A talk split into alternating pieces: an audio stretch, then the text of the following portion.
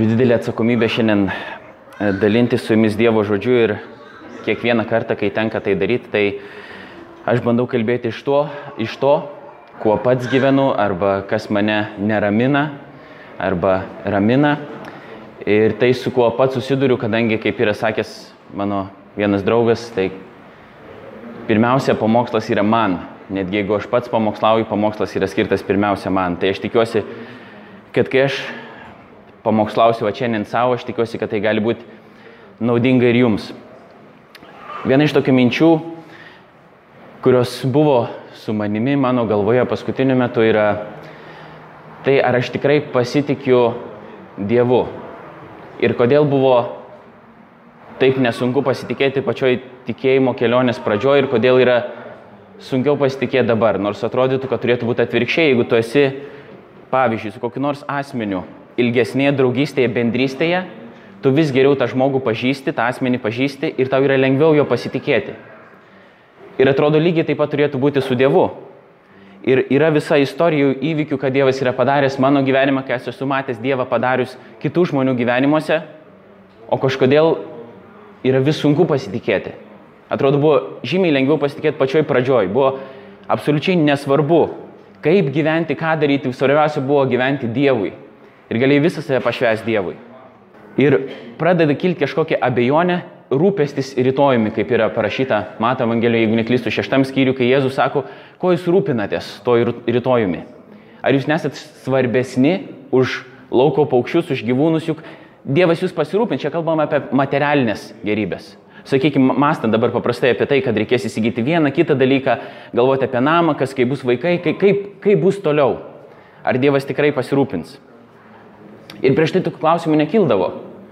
Ir dabar atrodo, dar nėra tai įsišaknyje širdie, bet pradeda kiltas klausimas ir tada aš pradedu save gaudyti ir galvoti, argi čia nėra kažkas panašaus į tai, ką patyrė Domas su Jėva Edeno sode, kai atėjo žaltys, atėjo piktasis ir sako jiems, ar tikrai Dievas sakė. Tik tai mano atveju tai yra žymiai blogiau, nes aš žinau, ką Dievas sakė, aš žinau jo pažadus bet aš jais nepasitikiu. Nekyla klausimas, ar Dievas sakė. Dievas sakė, bet ar aš galiu jo pasitikėti. Ir tada galvoju, iš tikrųjų tai net ne apie tai reikėtų kalbėti, ne apie šitą vat, dabar istoriją, ar tą ištrauką iš Mato Evangelijos šeštos skyriaus, bet reikėtų kalbėti apie problemų šaknį. Kadangi mes dabar gyvenam, jeigu galima pavartoti tokį žodį kitoj epochoj, po sėkminių, kai Jėzus Kristus pakilo, gavo pašlovintą kūną, pakilo pas tėvą ir atsiuntė mums šventąją dvasę, prasidėjo vadinama tokia nu, kaip nauja epocha, nauja era. Šventojoje dva... Prieš tai taip nebuvo. Senajame testamente šventoji dvasia būdavo duodama konkre... konkrečių momentų, konkretiems asmenims padaryti konkretų darbą. Ne kiekvienas tikintysis turėjo šventąją dvasę. Naujojo testamento laikais, kuriais ir mes dabar galima sakyti gyvename po to, kai Jėzus buvo priimtas pas tėvą ir atsiuntė savo šventąją dvasę, Kiekvienas krikščionis turi šventąją dvasę. Ir mums yra raginama, mes esame raginami gyventi šventąją dvasę ir su ją kartu vaikščioti arba vaikščioti joje. Ir aš galvoju, kad problemos šaknis yra ta, kad nors mes turim ir aš turiu visus įrankius reikalingus gyventi tikrą, autentišką krikščionišką gyvenimą. Ir dėl to Jėzus ir sako, kad jums yra geriau, kad aš išeisiu. Nes atrodo keista, kaip gali būti geriau, kad Jėzus išeis. Bet dabar jis mums teikia šventąją dvasę, kuri gyvena mumise. Ir aš turiu visus įrankius, kurie yra reikalingi gyventi tikrą autentišką krikščionišką gyvenimą ir pasitikėti Dievu, bet aš nepasinaudoju tuo. Ir mano problemos šaknis yra nevaikščiojimas šventojoje dvasioje, negyvenimas šventojoje dvasioje. Ir tada aš grįžau prie to savo mintise, apie ką mes kalbėdom labai dažnai agapė, kai aš dar ten dirbau. Ir tikiu dabar, tai tai yra, tebėra kalbama apie gyvenimą, būdant pripildytam šventosios dvasios. Ir aš prisiminiau šitą ištrauką iš laiško Galatams, 5 skyriaus, nuo 16 iki 25 eilutės. Mes pradėsim dabar su jie. Ir tada bus labai daug įvairių eilučių, tokia kaip mini apžvalga ir po to grįšim vėl prie to, apie ką norisi kalbėti. Čia parašyta taip. Aš sakau, gyvenkite dvasia ir jūs nepasiduosite kūno geismams. Mat kūno geismai prieštaringi dvasiai priešingi dvasiai, o dvasios kūnui. Vienas kitam priešingi, todėl jūs nedarote, kaip norėtumėte. Bet jei leidžiatės dvasios vadovaujami, jūs nebesate įstatymo valdžioje. Kūno darbai žinomi. Tai ištvirkavimas, netirumas, gašlavimas, stambeldystė, burtininkavimas, priešiškumas, nesantaika, paviduliavimas, piktumai, vaidai, nesutarimai, susiskaldimai, pavydai, girtavimai, apsirijimai ir panašus dalykai. Aš jūs įspėju, kaip jau esu įspėjęs, jog tie, kurie taip daro, nepaveldės Dievo karalystės. Dvasios vaisius yra meilė, džiaugsmas, ramybė, kantrybė, malonumas, gerumas, ištikimybė, romumas, susivaldymas. Tokiems dalykams nėra įstatymo.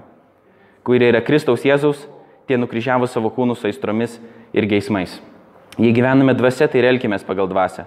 Nesivaikykime tušios garbės, nerzinkime vieni kitų, nepavydėkite vieni kitiems.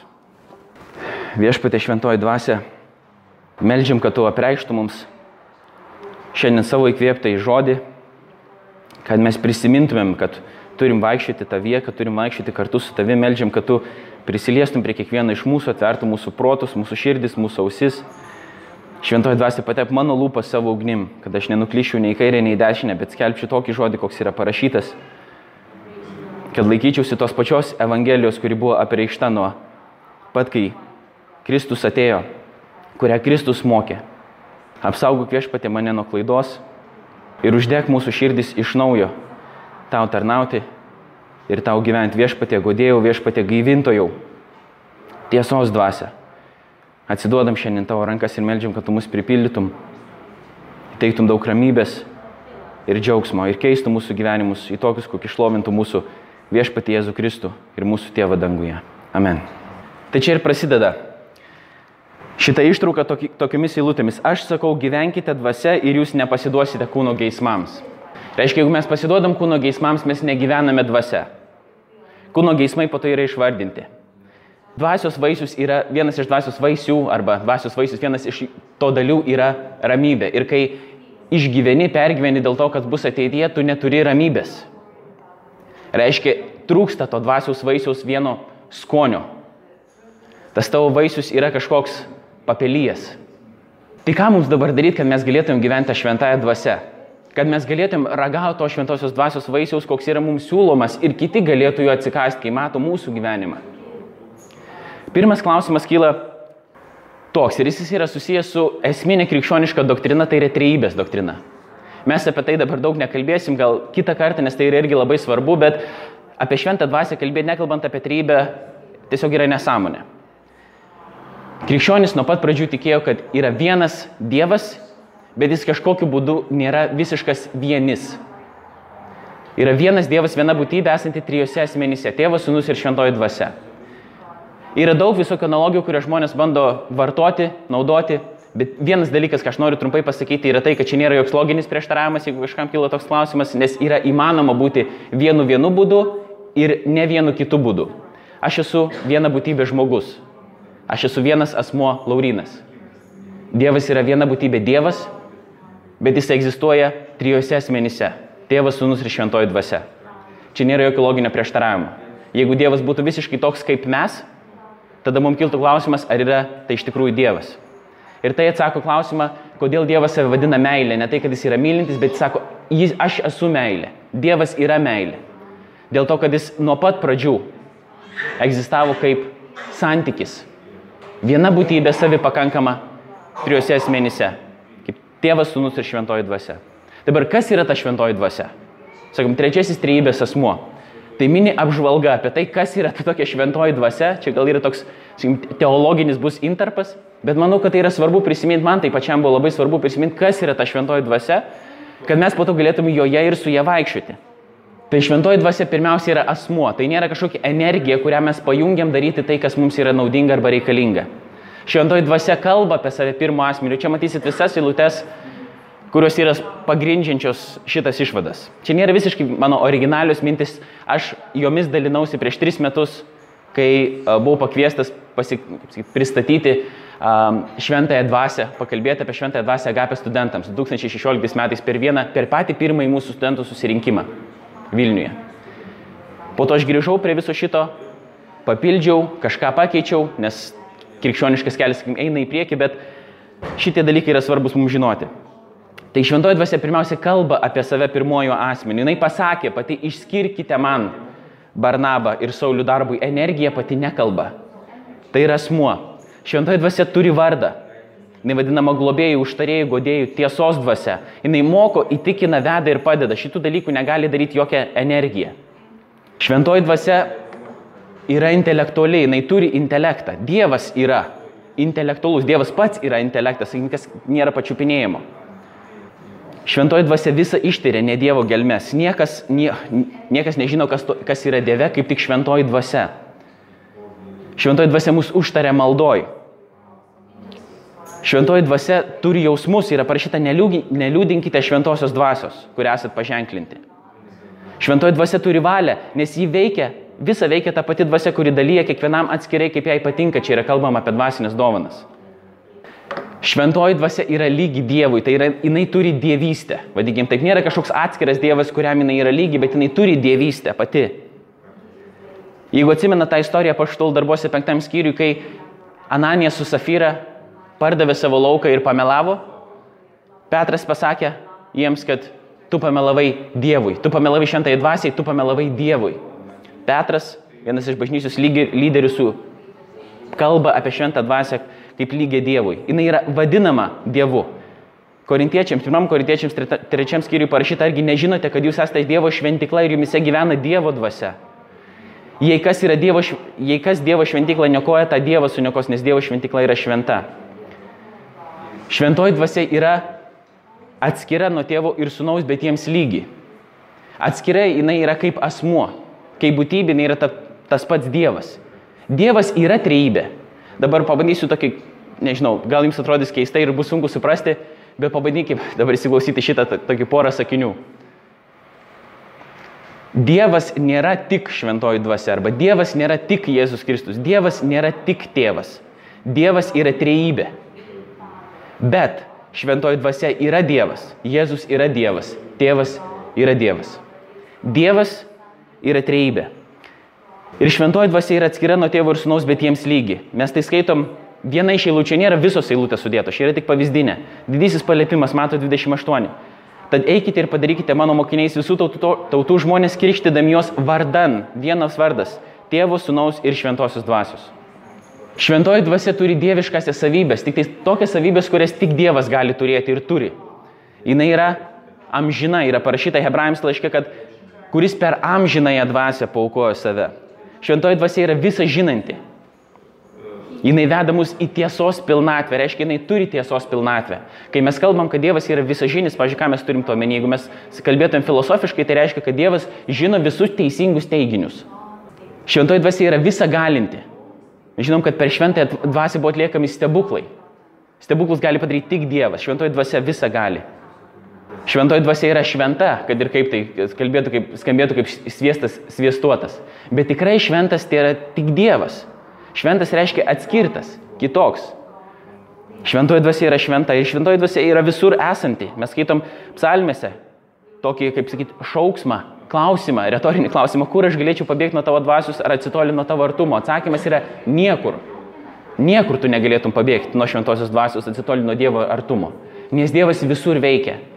Kai mes kalbam apie Dievą kaip visur esantį, mes neturim omenyje, kad Dievas yra kiekviename daikte, kaip anteistai sakytų, kad kiekvienas daiktas yra Dievas, mes taip pat nekalbam apie Dievą kaip apie kažkokias dujas, kaip eterį, kad Dievas yra pasklydęs kažkokiu būdu, kai tai, bet Dievas reiškia veikia visur, visada, kiekvienu momentu jis yra aktyvus, kiekvienam taške žemės, kiekvienoje situacijoje. Šventosios dvasios darbas, ką šventoji dvasia dabar daro, jinai dalyvauja kūrime, kūrime, pačiam, pačiam pra, pradžioje, pačioje, pačioje pradžioje, pradžios knygos mes skaitom, kad Dievas sukūrė dangų ir žemę, o žemė buvo padrika ir dika, tam sakau be bedugnė ir dvasia iš Dievo velkia viršum vandenų. Jis dalyvauja kūrime. Jis apreiškia. Per šventąją dvasę kalbėjo pranašai. Mes kalbam, šventasis raštas yra įkvėptas šventosios dvasios. Jėzus buvo pradėtas šventąją dvasę. Tai buvo antgamtinis dalykas, tai buvo stebuklas ir šventoji dvasia yra tai, kas tai padarė. Dėl to gimė Dievo sūnus, tikras Dievas ir tikras žmogus. Gimė iš žmogaus, bet gimė ir iš šventosios dvasios. Mes dėl to kalbam apie Kristaus dvigubą prigimtį. Kad jis yra tikrai Dievas ir tikrai žmogus. Šventoji dvasia atgimdo mus dvasiniam gyvenimui. Kai mes kalbam, kad ar tu priimi Kristų į savo širdį, aišku, čia nereikia dabar nereikia kabinėtis prie žodžių, bet iš tikrųjų, kai mes kalbam, jeigu kalbėtumėm tiksliau, teologiškai, tai yra šventoji dvasia ta, kuri mumis padaro tą darbą. Bet kadangi šventoji dvasia yra taip stipriai sulėjama su Kristumi, kas nėra, sakykime, blogai, nes tai yra Kristaus šventoji dvasia ir kadangi mes kalbam apie trejybę, mes tada pradedam sakyti, kad Kristus, sakykime, kad Kristus atėjo į mano širdį, iš tikrųjų šventoji dvasia mus atgimdėm žinam gyvenimui. Mūsų pasūdė šventąją dvasia Dievas, mums davė savo prigimti. Dievas mumise pasodino savo sieklą. Dėl to mes galiausiai galėsim sutikti Dievo veidas ir veidą ir nesudegti. Nes mes turim savyje Dievo duotą mums dievystę. Mes, niek, mes čia nemormoniška dievystė. Mes nekalbam apie tai, kad mes patys tapsim dievais.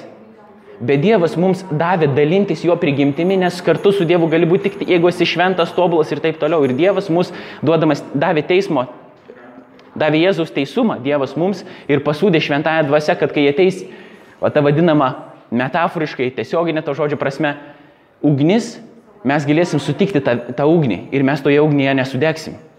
Dėl to, kad Dievo meilės ugnis, netgi jinai nėra pikta, bet tik ugnis gali ugnį atlaikyti. Ir dėl to, kad mes turim šventąją dvasę, tik dėl to mes galim atlaikyti Dievo artumą. Šventoji dvasia duoda mums dvasinį krikštą. Dabar neįsim į gilės teologinės diskusijas, ką tai reiškia.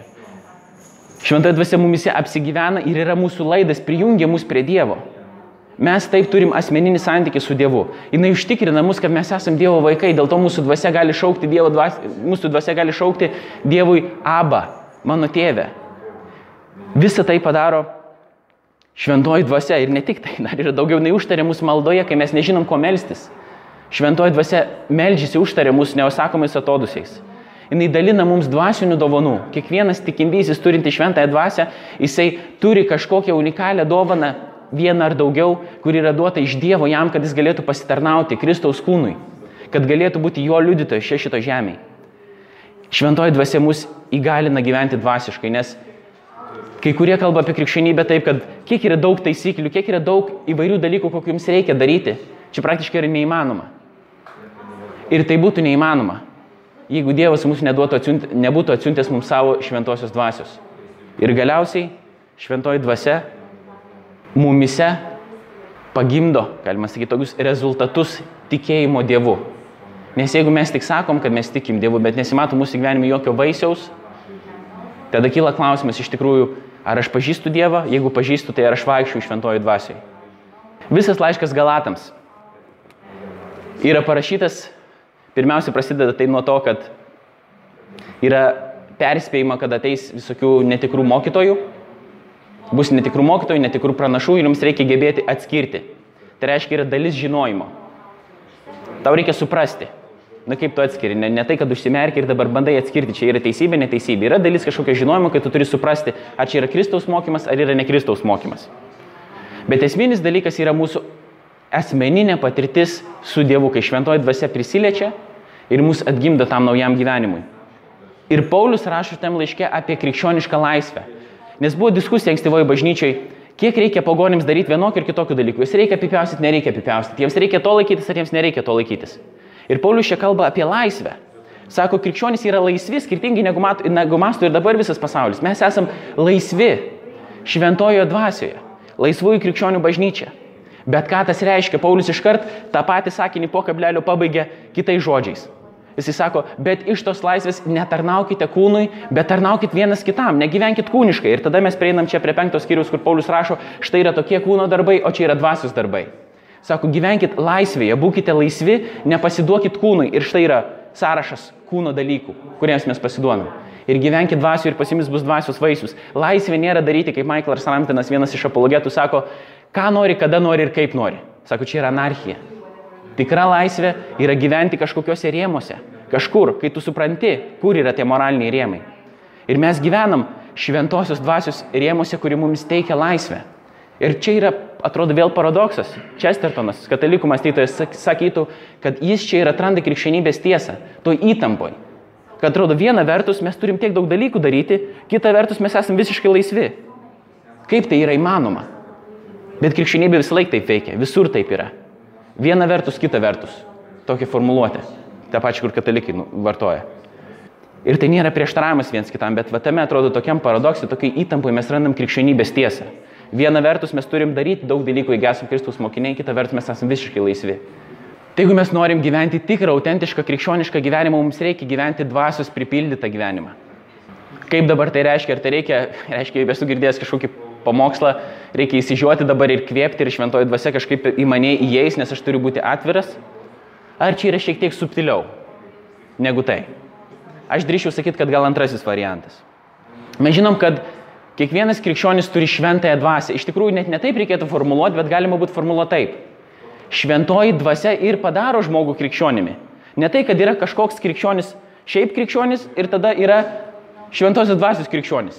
Tas jau tikras krikščionis. Čia nėra, sigi mano irgi mintis. Čia aš esu sunku jau, žinai, atskirti, kur ten tiksliai kas. Bet iš principo, taip, šventoji dvasia yra tai, kas padaro mūsų krikščionimis. Ir nėra tokio kaip atgimęs krikščionis ir tada neatgimęs krikščionis.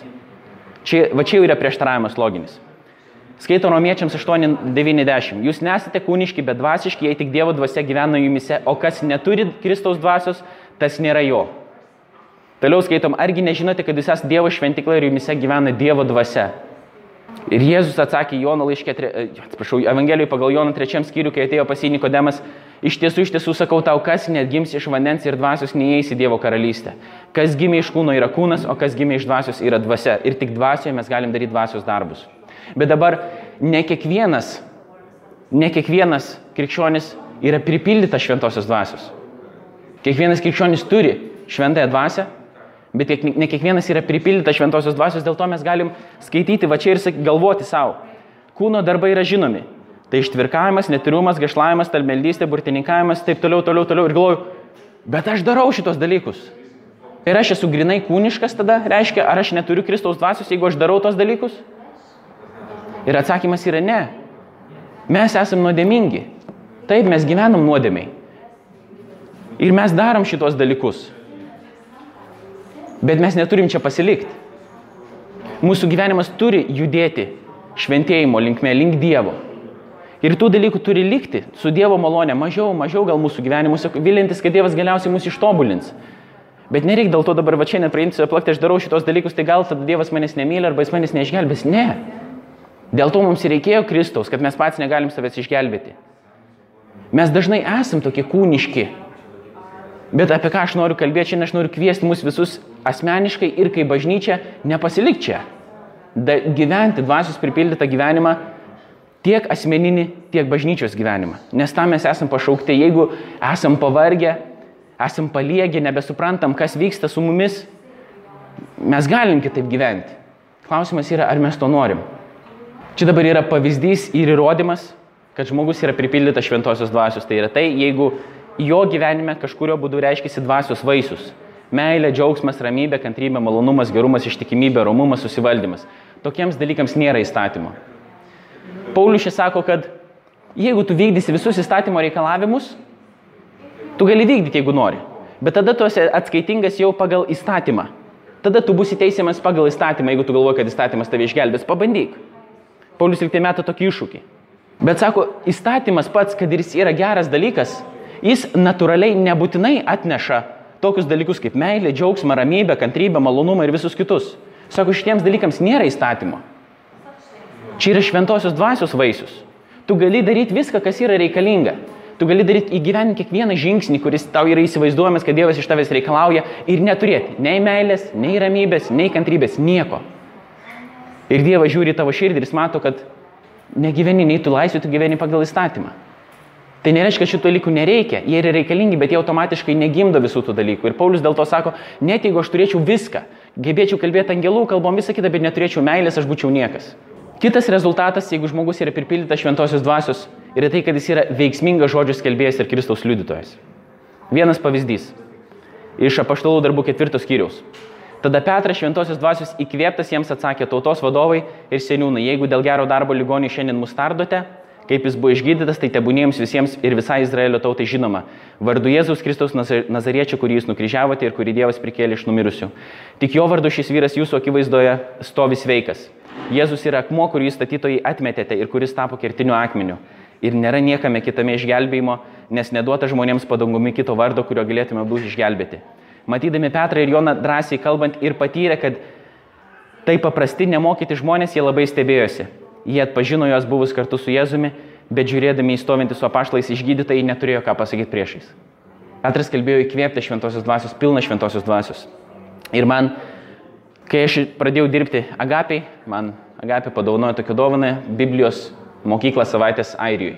Mes ten studijavome paštalų darbų knygą ir viena iš mano namų darbų užduočių buvo uh, surasti tą frazę, ką reiškia būti pripildytam šventosios dvasios ir visur pasižymėti ją. Skaičiau paštalų darbų knygą, braukiausi, žymėjausi. Jis pasirodo dešimt kartų ir vartojama tik pirmoji knygos pusiai. Kol kas jokių išvadų dar iš to nepadariau. Čia šiaip tokia random informacija. Bet kokias išvadas yra padarytas? Yra, šita frazė yra vartojama dviem aplinkybėm. Pirmiausia, kai yra reikalingas antgamtinis Dievo įsikešimas jo karalystės labui. Buvo, jeigu atsimena, toksai, kur, toksai žmogus, kuris norėjo gauti Kristaus dvasios už pinigus. Kerėtojas, ne Simonas vardas liktai buvo. Ir tada jis buvo pavarytas, sako, šalin nuo mūsų, ta prasme, tu galvoji, kad gali nusipirkti Kristaus dvasios dovaną. Tai šventoji dvasia, ne, čia ne kažkokie burtai, čia ne magija, kad taip, man reikia šventosios dvasios, bam, dabar padarysim tą, ateik šventoji dvasia, padaryk aną. Šventoji dvasia dalina dovanas kaip nori ir jinai sprendžia. Ne mes, mes pasijungiam Dievo valiai. Ir apaštalų darbų antram skyriui mes skaitom, kai mokiniai buvo pripildyti šventosios dvasios, pirmą kartą buvo šventoji dvasia taip išlieta mokiniams aštuntiniam kambarį ir po to jie pradėjo kalbėti įvairiom kalbom Ir tai buvo paliudijimas visiems aplinkui susirinkusiems žmonėms, kad vyksta kažkas antgamtiško ir, ir iš karto įtikėjo keli tūkstančiai. Tai čia yra pirma aplinkybė. Šventosios dvasios pripildymas yra pirmiausia ne kad mums būtų fainiai, ar aš jaučiau gerus jausmus per mane kažkokius lakstančius drugelius pilve, bet tai yra skirta Dievo karalystiai. Ir antras dalykas, kai šita frazė yra vartojama pripildyta šventosios dvasios, tai yra apibūdinami žmonės, kurie liudyja su jėga, kalba drąsiai, be baimės ir galingai. Ir mes taip skaitom, va dabar ką tik skaitėme apie Petrą, po to apie pirmąjį kankinį Steponą, kuris buvo pilnas šventosios dvasios, po to apie kitus mokinius, kurie ėjo į miestus, skelbė, būdami pilni šventosios dvasios, liaudiškai tariant, gavo į galvą, grįžo atgal ir grįžo džiugaudami. Kiek iš mūsų esam pasiryžę tai padaryti? Ir jeigu mes nesam pilni šventosios dvasios, mes net negalim būti pasiryžę tai padaryti, nes mes neturim savyje šitų jėgų. Ir Dievas tai supranta. Bet jeigu šventoji dvasia mus veda, kai mes sakom, jinai veda mus kažkur, jinai nestovi, nu, nestovi vienoje vietoje. Jinai pučia kur nori ir jinai mus veda. Mes galim patirti tokį džiaugsmą, netgi liudijant, gaunant į galvą, mes galim džiūgauti, kad mes dalyvaujam Dievo darbe. Dabar visiškai iš Campus Crusade for Christ arba Crew arba Agapės, jie turi tokius simbolius kuriuos, kuriuo aš irgi buvau mokamas pačioj pradžioje, nes yra lengvai perdodama informacija kitiems, nes principas ir yra toks - lengvai perduoti informaciją kitam, kad kitas suprastų. Bilas Braitas Agapės, um, įkūrėjas, pradininkas, bet to pačiu ir šiaip puslapį galima rasti Agapės arba Krū. Jie išskiria trijų tipų, tri, tipų žmonės. Dabar aš nebūtinai sakysiu, kad yra trijų tipų tik žmonės šito aspektu, bet paprastumo dėlį galim taip sakyti.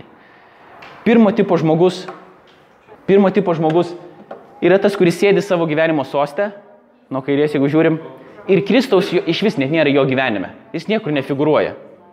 Jis yra jūslinis, vadinkim, žmogus, natūralusis žmogus. Jisai neturi nieko bendro su Dievu, jam nenori nieko turėti, jisai nežino, kad turi bendro, nes jis yra padarytas pagal Dievo atvaizdą. Bet jis gyvena savo gyvenimo sostę, pats savo ir visi dalykai sukasi aplinky. Gali kitą kažką pasodinti, jeigu ne savai tą sostą, bet ne Kristų kokį nors kitą dalyką, kaip aš buvau sudinęs krepšinį, ten merginą, dar kažką. Antras žmogus yra tas, kurio gyvenime jau yra Kristus. Bet tas žmogus toliau sėdi savo gyvenimo sostę. Kristus kažkur figuruoja, tas žmogus nueina į bažnyčią, nueina į jaunimkį, dar kažkokį susirinkimą, bet realiai tai jis pats sėdi savo gyvenimo sostę. Kristus ne, nėra tas, kuris jį veda. Kristus nėra tas, kuriam jis gyvena. Ir man tai būna. Čia nėra taip, kad aš sėdžiu arba Kristus sėdė, arba aš ir visą laiką tai būna. Visą šitą gyvenimą gaunas taip, kad mes arba lipam po truputį nuo to savo sosto, nulipam, nulipam ir tada sunkiai, sunkiai, sunkiai užkeliam Kristų atgal, po to lupam į apačią ir patys lipam ten įstumdami, sakydami, nėra čia to vietos.